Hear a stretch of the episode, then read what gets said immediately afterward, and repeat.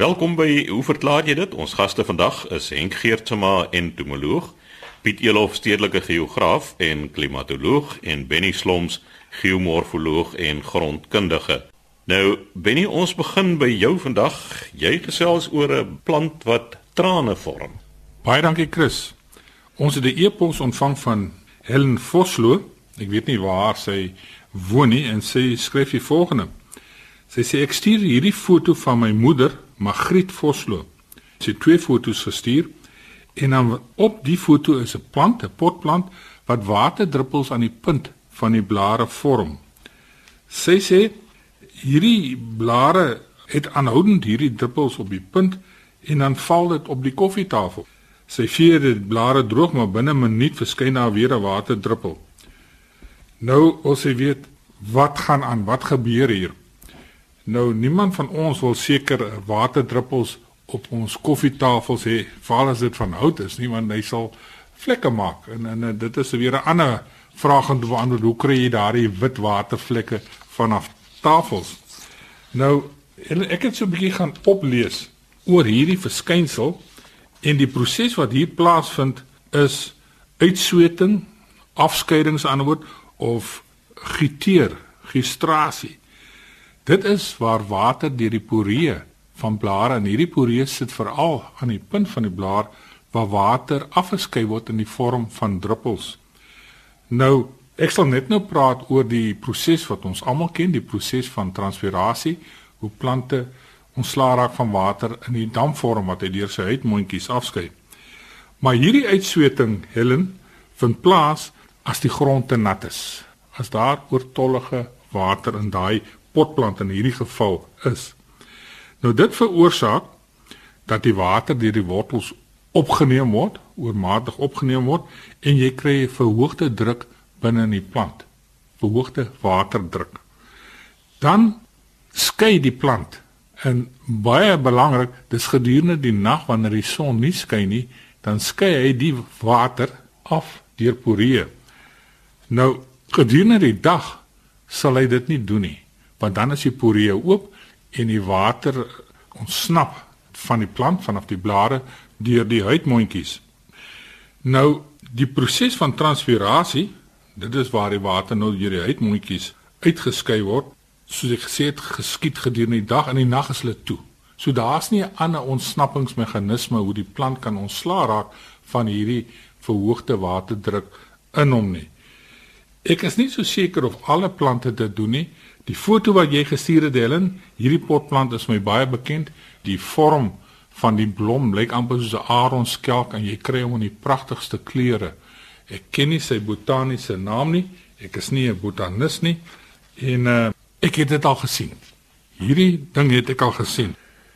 Nou hoekom is daar so deurvloei van water deur plante? Dis natuurlik die meganisme wat die plant gebruik om onder andere plantvoedingsstowwe in sy stelsel te kry. Water word deur die wortels opgeneem en dan word dit deur die huidmondjies of deur hierdie proses van uitsweting word dit dan nou weer ontslaaf van geraak deur die plant. Dit is baie interessant dat meer as 90% van alle vog wat 'n plant opneem, gaan verlore deur of transpirasie of deur hierdie uitsweting. Nou ehm as dit nie daarvoor was nie, dan is natuurlik die vermoë van die plant om kos op te neem, plantvoeding op te neem, sou dan beperk gewees het. Daar's natuurlik 'n klomp faktore wat die tempo van transpirasie, nou word die afskeiding van water bepaal, soos byvoorbeeld die aantal blare en die luisteraars sal natuurlik dit interessant vind dat van ons vrugtesoorte 'n sitrus seker die plant wat die grootste blaaroppervlak per hektaar het en dit is ook een van daardie vrugsoorte wat die meeste water gebruik omdat hy die potensiaal het om 'n klomp vog deur waterdam vanaf die blare te verloor. Dan natuurlik die hoeveelheid uitmondjies of stome, die grootte van die blare, die aanwesigheid van waslaagies op die blaar self en ons vind dit veral op plante in die ariede gebiede. Hulle gebruik hierdie waslaagie om die blaar te beskerm teen oormatige waterverlies. So val vetplante het hierdie waslaagies. Volgende faktor is die hoeveelheid lig, met ander woorde sonlig wat daar is, die temperatuur, hoe hoër die temperatuur, hoe meer verloor, meer water verloor die plant, die relatiewe humiditeit en dan wind. Net soos wind 'n groot faktor is om verdamping vanaf 'n vrye wateroppervlak aan te help, so kan wind ook die transpirasietempo verhoog oor plante en dan natuurlik die water wat beskikbaar is in die grond. As die grond nie nat is nie, is daar min vog is, is daar natuurlik min vog wat opgeneem kan word en die hele transpirasieproses aan die gang sit. Mense hoor dikwels mense praat van die uh, uitheemse bome wat ons moet uitkap omdat dit so baie van ons water gebruik. En ek het al gehoor van syfers van 600 liters per dag wat 'n bloekomboom kan gebruik. Nou ek wil net kategories sê dat in die Runs in die Swartland waar daardie bloekombome staan op die skalies en is droog in die somerdae, daar's nie 'n kans dat daar 600 liter water beskikbaar is vir 'n bloekomboom om op te neem en dan die water verlore gaan nie. So die manne wat so maklik sommetjies maak hierdie aantal bome te neem en te vermenigvuldig met X liter water per dag, hulle maak groot foute. Maar dit is so. Hoe meer water beskikbaar, hoe meer water sal die plant opneem. En Helen, wat hier gebeur is, hier's te veel water beskikbaar by jou ma se potplant. Sy moet miskien daaraan dink om minder water te gee, die tussenposes van watertoediening te rek en dan minder op beslag te gee. 'n Potplant het nie werklik so baie water nodig nie. En dan omdat die proses hoofsaaklik in die nag en in die donker plaasvind, moet sy nie die ding op 'n houttafel sit nie. Skuif hom maar saans daar wat hy nie skade kan maak nie. Ek wil graag inkom. Hierdie potplant, ek sien nou die foto en dit is nie uh die van Bachia nie. Die van Bachia is ook 'n baie bekende potplant, maar die gotering wat hierdie plant doen, die druppels is uiters giftig. So mense moet baie versigtig wees met party van hierdie kyk die van Bachia kom uit Suid-Amerika uit. Hierdie Suid-Amerikaanse plante is nie altyd ewe onskuldig nie. Maar terwyl jy so praat, dink ek aan my dae in Pretoria, soos hulle in New York sê of done time. Ek het 2 jaar in Pretoria gewoon en mens kry 'n interessante boom daar, Tipuana tipu, wat 'n Suid-Amerikaanse boom is wat ingebring is in Suid-Afrika en dit staan plaaslik daar bekend as die reënboom. Maar natuurlik op die droogste dag reën hierdie boom en is werklik sopnat onder daai boom. So omdat daar so weinig parkeerplekke is, parkeer jy natuurlik jou motor onder daai boom, want jy weet van niks. Wat eintlik gebeur is, die Tipuana tipu word aangeval deur 'n bepaalde soort stinkbesie. En hierdie stinkbesie suig net die plantsap, ekstraheer dan die suiker en die proteïene uit die plantsap en skei dan die water af. En dit is eintlik waar die reën vandaan kom. Met ander woorde, die reënboom goeteer nie soos 'n potplant direk nie, maar indirek deur middel van 'n insek wat die sap uitsuig en dan die insek wat die sap uitstoot as dit ware. En dan kan jy ook beloof as jy jou kar een keer onder so 'n boom geparkeer het, gaan jy dit nie weer doen nie, want met die huidige waterbeperkings met 'n emmertjie water gaan jy nie daai soetigheid van jou kar afkry nie. Ja, dit was dan Benny Sloms, ons grondkundige en geomorfoloog en Henk Geertsma, entomoloog wat gesels het oor hierdie plant wat trane vorm. Henk, bosluise is die onderwerp wat aan die beurt kom nou. Ja, bosluise is natuurlik nie insekte nie. Insekte, die volwasse insekte het 3 paar pote, terwyl bosluise het 4 paar pote, net so spinnekoppe en skorpioene en so aan. Maar die ding is ek het 'n baie interessante stempos hierdie keer gekry van Hanni. Ek dink haar ma Tersha Du Plessis van Woester het dit gestuur. En Hanni vra toe die volgende vraag. Sy begin met oom. Nou ja, ek voel baie gevlei om oom genoem te word. Sy sê ek is onlangs deur 'n bosluis gebyt en gesukkel om die bosluis af te kry. Nou sy 'n paar vrae oor die bosluise. Nommer 1, hoe kry die bosluis sy kop in my vel? 2, het dit tande of is dit net twee gaatjies? 3, kan hulle as hulle bloed suig so vol raak dat hulle bars? 4, kan hulle jou heeltemal leegsuip? 5, en kan hulle jou doodmaak? Nou, uh, bosluise natuurlik wat ons noem ektoparasiete van soogdiere, voëls en van reptiele. Mens kry baie keer 'n skilpaai of slange wat bosluise ook het. Nou, die liggaam van 'n bosluis is verdeel in 'n kop, ons praat van 'n capitulum wat die monddele dra en dan 'n agterlyf. 'n Insek het natuurlik 'n kop, 'n bors en 'n abdomen of 'n agterlyf, maar hulle het nie 'n bors as sulks nie. Nou, by die wyfie bosluis lê daar nog 'n klein verharde plaatjie teen die kop en oor die agterlyf. En ons praat daar van 'n skutum. Nou die monddele bestaan uit 'n rostrum of in plat Afrikaans 'n bek wat gevorm word deur 'n ventrale hypostoom of tong met 'n sentrale groef en stekelerige tandjies weerskante aan die buitekant van die tongagtige struktuur. Die tandjies is teruggebuig om te verseker dat die hypostoom of tong in die wond van die vel vashaak.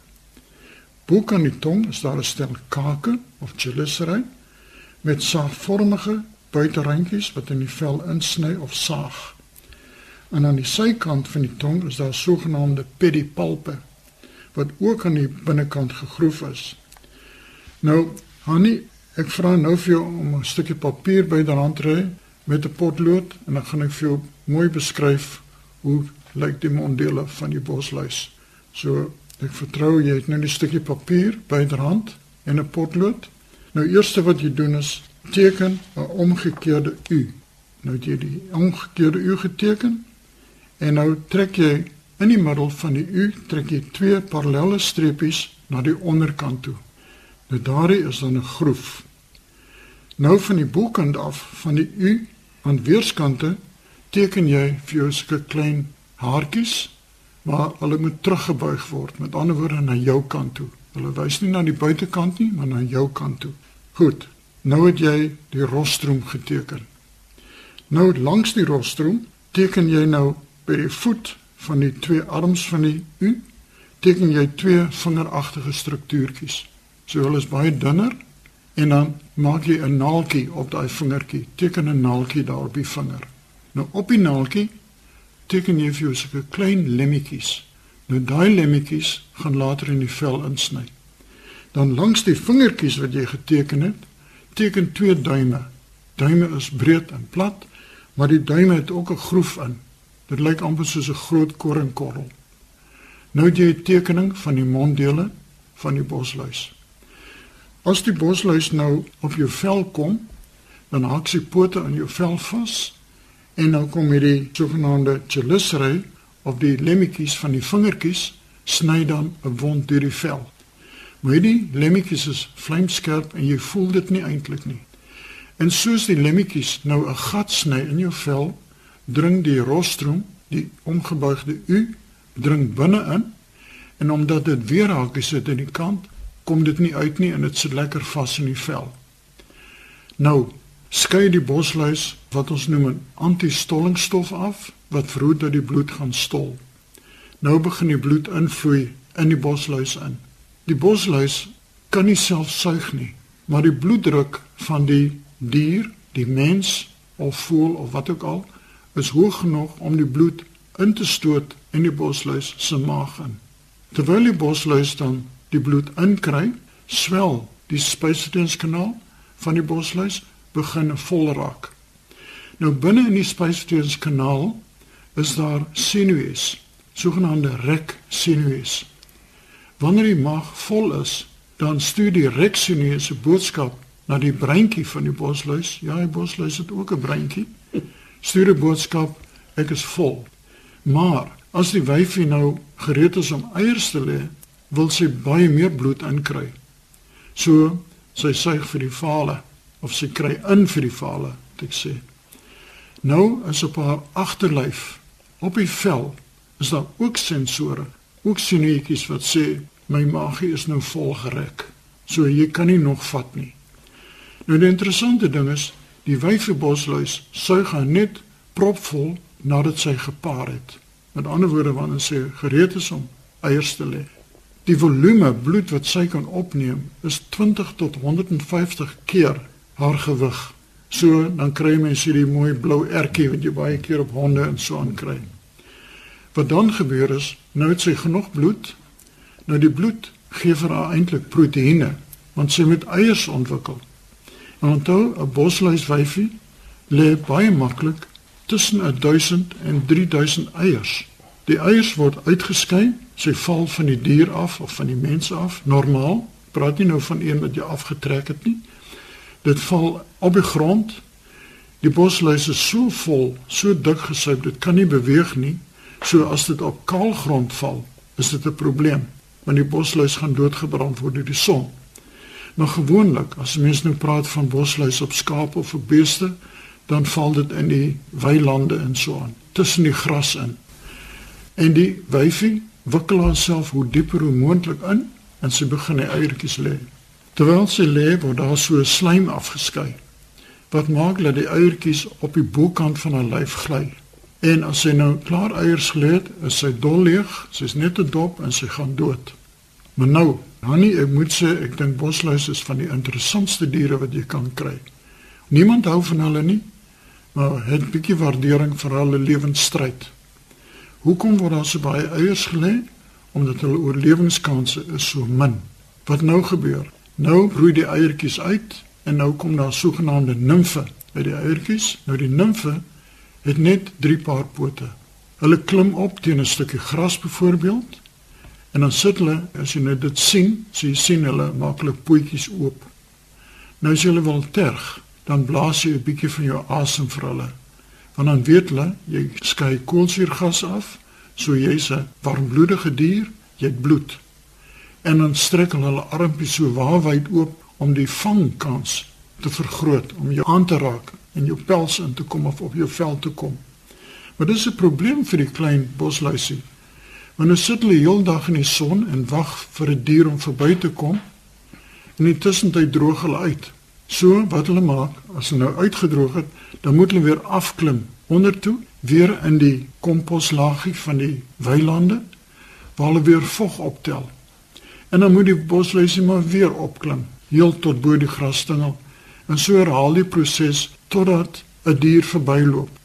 Nou word die eerste hoeveelheid bloed gesuig en nou hy genoeg bloed en hy val weer af van die dier. Dis natuurlik, hulle val af. Nou vervel die bosluisie en nou ontwikkel hulle 'n jong bosluis met 4 paar pote. Nou is die interessante ding is, mense kry bosluise wat net op een dier wil leef, byvoorbeeld net op skape, net op honde en so aan. Daar's ander bosluise wat op 'n dier, een dier moet wees en dan op 'n ander soort dier moet wees. So hulle twee gasheure. Dan kry mens bosluise wat drie verskillende gasheure het. So nou kan 'n mens verstaan dat hulle kans om die regte gasheer te kry is eintlik baie skraal. Maar nou kom ons by 'n ander groot probleem. Daar's mannetjie bosluise en wyfie bosluise. Nou sit die wyfie bosluis op die dier, sy's besig om bloed te suig En nou gee sy stof af, sy's gereed vir paring met die mannetjie. En nou moet daar 'n mannetjie bosluis op dieselfde dier wees wat nou die wyfie ruik. Nou sukkel die mannetjie bosluis om deur die pels van die dier te kom om by die wyfie uit te kom. En baie kere as 'n mens 'n volgesuigde bosluis afval van 'n die dier, so jy sien daar's altyd 'n kleiner bosluisie naby. Baie kere geheg aan die wyfie bosluis. Dis die mannetjie. Mannetjie is baie kleiner as die wyfie bosluis. Nou gaan ek na Hannes se vraag toe. Hoe kry die bosluis sy kop in my vel? Nou jy het nou die tekening van die rostrum met sy weerhakies en dan die sogenaamde chelicerae met die snylemmetjies. Nou so sien die snylemmetjies in jou wond insny, hak hier die tong, die rostrum vas. So dis hoe hulle in jou vel inboor. En dit is so fyn. Hierdie Chelicera is soos lemmetjies. Jy sal nie 'n lemmetjie sny voel nie, want dit is so skerp. Goed, nou die tweede, het dit tande of is dit net twee gaatjies? Nou dis baie interessant, nou nie? As 'n spinnekop jou byt, is die wond twee gaatjies. Want die spinnekop se Chelicera is parig en hulle kap jou van bo af of van die sykant af. Gewoonlik van die sykant af en dan is daar twee gaatjies. So in die geval van 'n bosluis is dit net een gaatjie wat jy gaan sien op jou vel. Nou sê Annie vraag 3, kan hulle as hulle bloed suig so vol raak dat hulle bars? Nee, hulle kan absoluut blink blink blink raak. Jy kan sommer sien hierdie ding wil bars. Maar soos ek verduidelik het, daar is rek sinuetjies wat vir die brein sê jy moet nou ophou. Jy's nou absoluut vol. So, hulle sal nie bars nie. Behalwe as jy op hulle trap natuurlik. 'n Vuur kan jou heeltemal leegsuig. Eintlik teoreties sou dit moontlik wees as daar 'n 1000 bosluise op jou kom. Maar die probleem is, die 1000 bosluise gaan soveel van jou bloed uitsuig dat jy nie meer bloeddruk oor het nie. So die bosluise gaan afval want dit is nie 'n goeie voedingsbron nie. Ek kan nie die bloed uit die pasiënt uit nie. So hulle gaan jou nie heeltemal kan leegsuig nie. En dan die vraag 5, kan hulle jou doodmaak? Definitief. Baie bosluise dra virusse, rickettsias en spirochaetes wat allerlei koorse veral bosluiskoors. Jy kry verskillende tipes bosluiskoorse. Jy kry die week, jy kry die 3 weke, jy kry die 6 maande, jy kry die herhalende bosluiskoors. En as jou gestel nie sterk genoeg is nie, kan jy dalk beswyk daaraan. So wees maar versigtig vir 'n bosluis. Nou wil ek ook net raad gee. As 'n bosluis op jou vel is of op die dier se vel, moet dit nie net aftrek nie. As ek in die veld loop met my skoenlapper net, het ek altyd 'n botteltjie etielassetaat by my. En as ek sien hier's 'n bosluis op my vel vasgehaak, dan gee ek net so 'n druppeltjie etielassetaat op die dier se kop en hy los so vinnig as wat hy kan. Maar natuurlik het mens nie altyd etielassetaat nie. Maar die ding is, jy kan 'n olie, as jy sonbrandolie het of room, kan jy opsit om die asemhalingsgaatjies van die bosluis toe te maak. En dan sal die bosluis ook los. Maar om die bosluis net af te trek, is baie keer moeilikheid soek en jy kry baie verswering en dit is net so lelik. Hanni, baie dankie. Dis die eerste keer wat ek 'n stempos kry. Ek het aanvanklik nie geweet wat om te doen daarmee nie, want tegnologie is nie my uh, vakgebied nie. Maar baie dankie vir 'n interessante vraag. So sê Henk Geertsma, ons entomoloog. Laas dan die woord Piet Elof, stedelike geograaf en klimatoloog. Nou Piet, jy het van tevore gesels oor die ontstaansredes vir sommige dorpe en hoekom van hulle kwyn en ander floreer. En vandag gaan jy nou ten slotte gesels oor sentrale plekdorpe. Chris, Henk het nou gesels oor bosluise en die van van Woester, wil ek amper sê het ook 'n blik wurms oopgekrap maar ek dink nie dat dit 'n blik wurms is nie. Ek dink dit is 'n juweel van 'n vraag gewees wat hy gevra het oor hierdie kleiner dorpies in die platteland. Dan moet 'n mens natuurlik ook van tyd tot tyd bieg en ek wil graag bieg naamlik dat as ek oor die Oranje rivier gaan voel dit vir my ek is in die buiteland behalwe natuurlik as ek na Namibië toe gaan. Nou verskillende van hierdie dorpies groei ander kwyn en dis dan veral die sentrale plek dorpe op die platteland wat baie swaar trek in sekere omgewings. Nou ons het voorheen verwys na die oorsake van die feit dat hierdie plattelandse dorpies nie almal groei nie. En een van die terme wat gebruik word is dat ons sê die platteland ontvolk. Nou ek dink om te praat van die ontvolking van die platteland is 'n relatiewe begrip. Dit hang af na wie of waarna ons verwys want sensusgegevens dui daarop dat baie van hierdie dorpe se bevolkingsgetalle het aansienlik toegeneem. Maar ek moet bysê as 'n mens by hierdie dorpies verbyry, dan sien jy dikwels hoe sekere woongebiede werklik waar groei uitgebrei het, hoeveel huise, nuwe huise daar gebou word ensovoorts.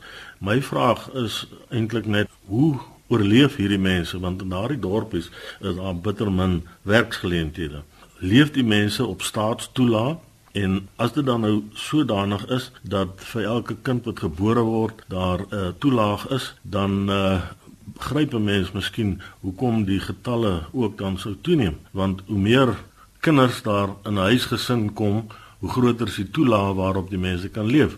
Maar wat ek ook graag vir die luisteraars wil sê wanneer jy reis neem 'n bietjie tyd en besoek die winkels in die dorpe Ons ken almal die sogenaamde algemene handelaars en ons weet watter produkte hulle op hulle rakke gehad het 30, 40 jaar gelede. Gaan kyk nou self deesdae na daardie algemene handelaar, dan kyk jy watter produkte is op hulle winkelrakke. Natuurlik hou dit verband met die mense wat kom koop, het hulle geld om te koop of wat is die produkte wat hulle koop? So daar is ook 'n aanpassing in hierdie kleiner dorpies daarvan. Nou die vraag is natuurlik wat laat sommige dorpe uithou as ek dit so kan stel? Dat hulle nie eenvoudig totaal kwyn nie. En hier dink ek is die antwoord gewoon daar is entrepreneurs. En ek het al voorheen oor van hierdie dorpe gesels. Daar's natuurlik baie van hulle waaroor 'n mens kan gesels. Die tyd gaan ons net nie toelaat nie. Ek dink byvoorbeeld aan 'n dorp soos Willowmore waar daar heelwat gastehuise is en winkels het restaurante en waar die sogenaamde bikers, die manne met die Harley Davidsons, gereeld 'n draai maak en oorbly as hulle byvoorbeeld in die Baviaanskloof wil reis, selfs die manne met die 4x4 voertuie. Dan iets wat mense ook opval is dat in van hierdie kleiner dorpies dit nie noodwendig net blanke mense is wat entrepreneurs is nie. En hier dink ek ek het gelees in 'n tydskrif verlede jaar van Lizzie Snoek in Stellenbosch wat 'n restaurant het wat eintlik in die sogenaamde townships geleë is. So daar is 'n verskeidenheid van entrepreneurs in hierdie dorpe. Piet, ja, ek vermoed ons het dieselfde tydskrif buurt gehad. Daar is ook 'n man wat met 'n donkiekar 'n uh, eh, tipe van 'n taxi diens aanbied op so 'n dorpie. Dit is inderdaad so. Mense moet nou nie seker op die oor die lig al die tydskrifte se name noem nie, maar daar is 'n tydskrif wat eintlik baie interessante artikels publiseer oor die platteland se omgewing, die kontrye as ek dit so kan stel. Maar dan is daar ook 'n ander interessante ding wat ek waargeneem het in veral ons het gesels daaroor dat van die kenmerkendste geboue in hierdie klein dorpies die kerke is. Want ons moes nou gesê dit is 'n sentrale plek dan van aanbidding. En uh, juis as jy 'n prediker het wat sy mense boei, dan loop jou kerk ook vol. Meer mense kom kerk toe op 'n Sondag en terselfdertyd ondersteun hulle dan die plaaslike winkels. Dis die tipe van ek wil amper sê ook 'n tipe van entrepreneur. As jy so iemand kry wat jou gemeenskap teruglok na die kerk toe en dan indirek dan ook 'n uh, bydrae lewer tot die ekonomie van die dorp deur dit wat hulle dan koop na die kerkdienste. Die belangrike ding is natuurlik ook dat baie van hierdie kleiner dorpies waar daar hierdie entrepreneurs voorkom is gewoonlik nie te ver van groot metropolitaanse gebiede af nie en waar mense dan uitwyk uit die groot metropolitaanse gebiede om 'n ander lewenstyl te volg. Sommige koop en bly daar, ander besoek dit net redelik gereeld. So ja, Chris, daar's 'n klomp redes waaroor mense kan gesels oor hierdie kleiner dorpies, maar ek dink ons moet daarmee volstaan vandag. En so sê Piet Elof, ons stedelike geograaf en ook klimatoloog, Die tyd het ons weer ingehaal. Skryf gerus aan ons by hoe verklaar jy dit posbus 2551 Kaapstad 8000 of stuur 'n e-pos aan chris@rsg.co.za.